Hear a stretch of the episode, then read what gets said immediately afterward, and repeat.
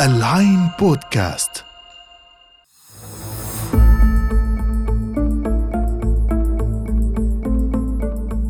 معكم إيمان نصار وهذا بودكاست غرفة المناخ المقدم من العين الإخبارية. داخل غرفة المناخ رح نتعرف على قصص وحكايات علمية كتيرة بطلها التغير المناخي.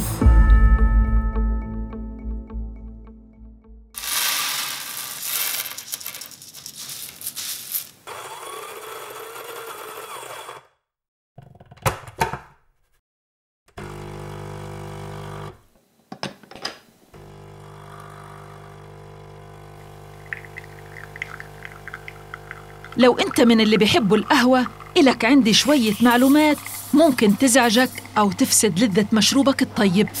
لكن قبل هيك خلونا نتعرف على قصة القهوة وأصلها.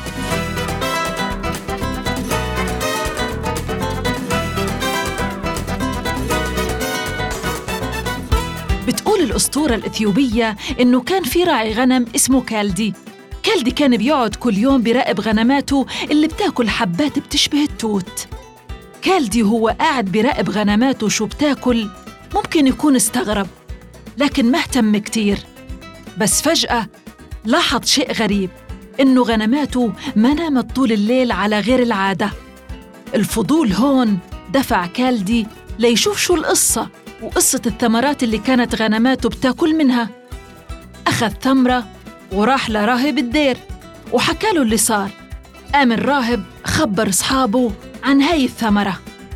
وشوي شوي انتشر صيت الثمرة العجيبة اللي بتعطي النشاط وانتقلت بعد هيك لليمن وهناك حصلت على اسمها موكا. ومن اليمن انتقلت لشبه الجزيرة العربية ومنها للعالم.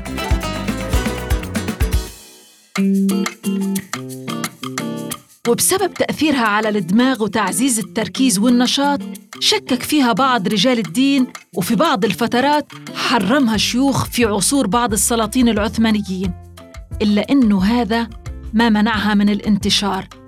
هي القهوة اللي صارت عادة صباحية عند كثير من البشر وتفننت الشعوب في تصنيعها بأشكال مختلفة. وغير هيك صار لها يوم دولي كل عام. وهو 1 أكتوبر تشرين الأول. كمان بتلعب القهوة دور محوري في اقتصاد بعض البلدان. لكن رغم هيك ورغم إنه القهوة مشروب مسالم بيعشقه الملايين إلا إنها دخلت في الحلبة مع التغير المناخي. فالأبحاث بترجح إنه المناخ إذا استمر في التغير بهاي الوتيرة رح نخسر نص كمية القهوة بحلول نهاية القرن الحالي.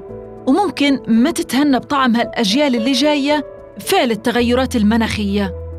وإلكم تتخيلوا إن القهوة اللي بتعتبر من السلع الأكثر طلب في العالم رح تنهار بدونها إمبراطورية ستاربكس وتفقد البرازيل 10% من ناتجها المحلي الإجمالي. ويفقد ملايين الناس وظائفهم كمان. كل هذا بسبب التغيرات المناخية اللي بتهدد محصول القهوة. حتى أنت عزيزي المستمع ممكن ما تلاقي كوب القهوة بنفس الجودة اللي كنت أنت بتستمتع بطعمها من قبل. كل لحظة شوي لحتى نكون أكثر حيادية ونضبط كفة الميزان. القهوة مش دايما طيبة وإلها بعد شرير كمان. طيب كيف؟ مشروب بيعدل المزاج وبيعطينا الطاقة وبنفس الوقت شرير خلونا أول شي نحط القهوة على كرسي رجاني حتى لا تتعاطف معها كتير وفكر معي ليش حطيناها على كرسي رجاني؟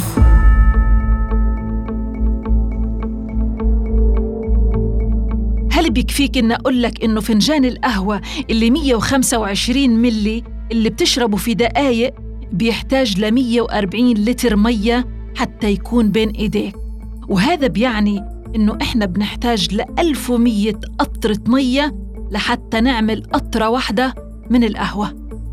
إذا كانت هاي الكمية كلها لإنتاج فنجان واحد فقط فقديش كنا بنستهلك مية؟ مش حابة أفاجئك لكن سكان العالم بيحتاجوا لحوالي 110 مليار متر مكعب من المية سنوياً. ليتمكنوا من شرب القهوة وهي كمية بتعادل التدفق السنوي لنهر الميز اللي بيعبر ثلاث دول بلجيكا وهولندا وفرنسا حوالي 15 مرة هل ممكن تتخيل كمية المية اللي بيستهلكها البشر لإعداد مشروب ما بتتجاوز الحصة الواحدة منه 125 ملي؟ القصة في كمية المية اللي بتستهلكها القهوة في كل مراحل إنتاجها بداية من زراعتها حتى وصولها لطاولتك لتشربها وهذا بيأثر طبعاً على شعوب كثيرة خاصة في دول الجنوب في أفريقيا وأمريكا الجنوبية. فأشجار القهوة بتروى بمية الأمطار والمية العذبة. لكن مع زيادة الطلب العالمي عليها ارتفع استهلاك المية العذبة من أجل استهلاكها. وهذا تسبب في ندرة المية في الدول المنتجة للقهوة. وبهيك بنلاقي إنه استهلاك القهوة في أوروبا والولايات المتحدة ودول آسيا يجي على حساب ندرة المية في دول أفريقيا وأمريكا الجنوبية وبيترتب على هيك تفاوتات اقتصادية كثيرة بالإضافة إلى أنها بتأثر على المحاصيل الثانية لأن القهوة بتستهلك نصيب الأسد من المية وقت الزراعة وبتأثر كمان على حصة الماشية اللي صارت تموت بسبب ندرة المية وهذا الموضوع اللي هو ندرة المية بيمتد لحياة الفرد لأنها بتتسبب في نزوح البشر وهجرة مواطنهم لأماكن جديدة تتوفر فيها المية. وهذا كله بيعمل على انتشار المجاعات والأمراض والموت كمان.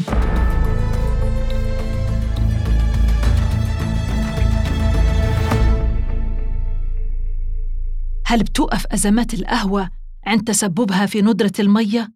لا. هي كمان بتهدد الغابات.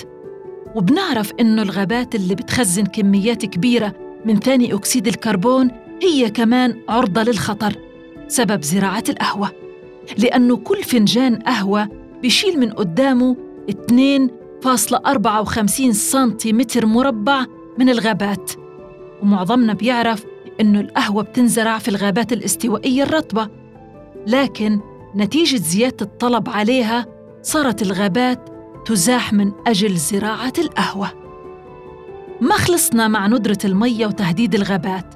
كمان لما بتوصل القهوة للمصانع تبدأ مشكلة ثانية. بتتعلق بتصريف نفايات تصنيعها في الأنهار وهذا بيأذي النباتات والحيوانات المائية في المكان.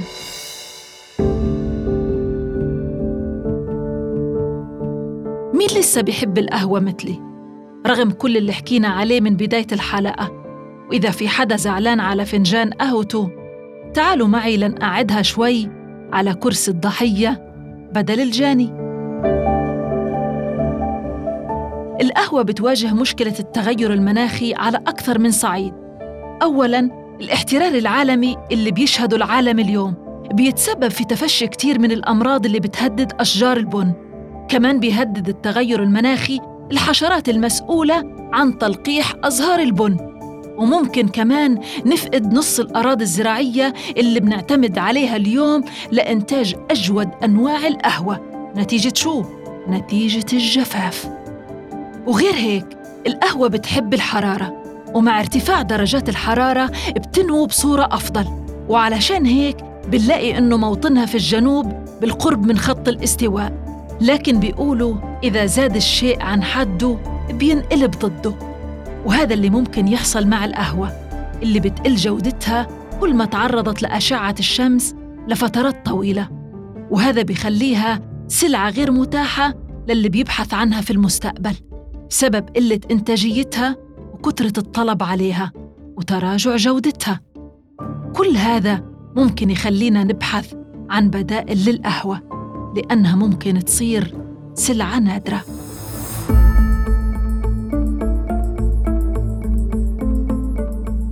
انتظروني في الحلقة الجاية اللي رح نتناول فيها حكاية جديدة من داخل غرفة المناخ. ولا تنسوا تسمعونا دايما على موقعنا العين dot com slash بودكاست. وعلى مختلف المنصات Apple Podcast Spotify Google Deezer أنغامي و SoundCloud. إلى اللقاء.